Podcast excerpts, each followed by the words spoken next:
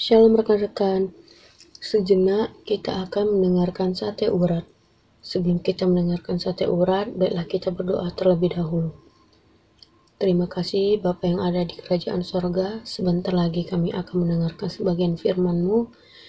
Kiranya Bapa, firman-Mu Bapa melekat Bapa di hati dan pikiran kami. Kiranya Bapa, setiap firman yang kami baca Bapa bisa kami terapkan Bapa di kehidupan kami sehari-harinya Bapa. Hanya ini doa anakmu Bapa dalam nama Tuhan Yesus aku mengucap syukur. Amin. Jadi rekan-rekan, topik pembacaan kita pada pagi hari ini ialah kesediaan menerima masukan kunci menjaga hubungan baik yang terdapat pada kisah para rasul 21 ayat 20b sampai 26 yang berisi tentang Saudara, lihatlah beribu-ribu orang Yahudi telah menjadi percaya dan mereka semua rajin memelihara hukum Taurat. Tetapi mereka mendengar tentang engkau, bahwa engkau mengajar semua orang Yahudi yang tinggal di antara bangsa-bangsa lain untuk melepaskan hukum Musa. Sebab engkau mengatakan supaya mereka jangan menyunatkan anak-anaknya dan jangan hidup menurut adat istiadat kita. Jadi bagaimana sekarang? Tentu mereka akan mendengar bahwa engkau telah datang kemari.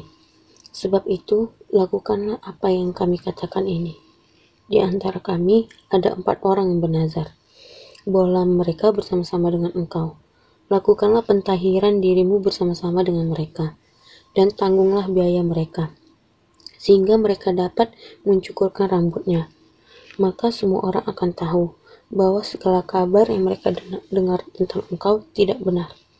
Tetapi mengenai bangsa-bangsa lain yang telah menjadi percaya, sudah kami tuliskan kepada mereka keputusan-keputusan kami, yaitu mereka harus menjauhkan diri dari makanan yang dipersembahkan kepada berhala, dari darah, dari daging, binatang yang dicekek, dan dari pencabulan.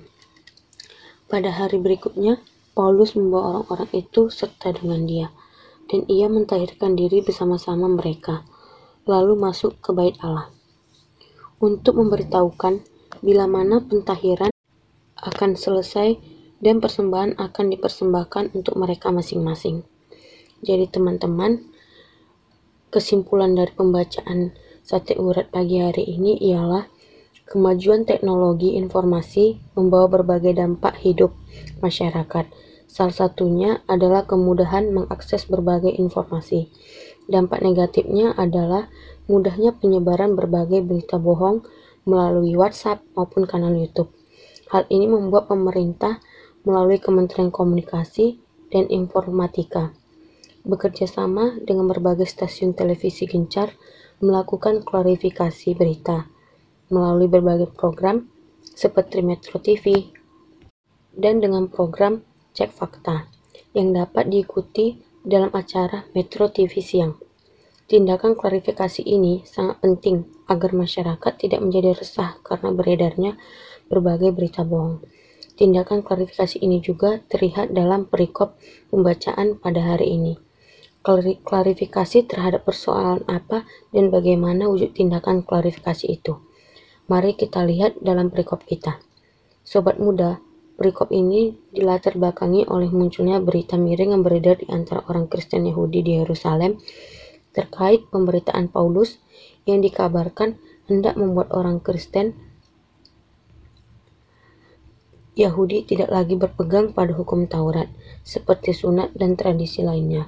Menyikapi berita miring yang dapat membuat orang-orang Kristen Yahudi menjadi tawar hati, terhadap Paulus dan pemberitaannya, maka Yakobus dan para penatua memberi masukan agar Paulus melakukan upacara pentahiran bersama dengan empat orang yang bernazar. Lalu pada ayat 26 dicatat bahwa Paulus menuruti masukan Yakobus dan para penatua. Tindakan Paulus ini dapat digolongkan sebagai tindakan klarifikasi terhadap berita bohong yang dihembuskan pihak yang membenci orang percaya. Sobat muda, belajar dari renungan ini ada dua hal yang perlu digaris bawahi yaitu satu, untuk menjaga kepercayaan dan hubungan baik, perlu melakukan tindakan klarifikasi jika timbul berbagai berita atau keraguan. Kesediaan menerima masukan dan menerapkan menjadi salah satu modal untuk menyelesaikan persoalan. Jadi rekan-rekan, sekian sate urat pada pagi hari ini. Sebelum kita melakukan aktivitas, malah kita berdoa terlebih dahulu. Tuhan Yesus, berikanlah anakmu ini kerendahan hati untuk sedia menerima masukan agar hubungan baik dengan sesama dapat terjaga. Dan juga Tuhan, buat kegiatan kami hari ini, semoga berjalan dengan lancar maupun aman. Hanya doa anakmu Tuhan, dalam Tuhan Yesus aku berdoa dan mengucap syukur. Amin.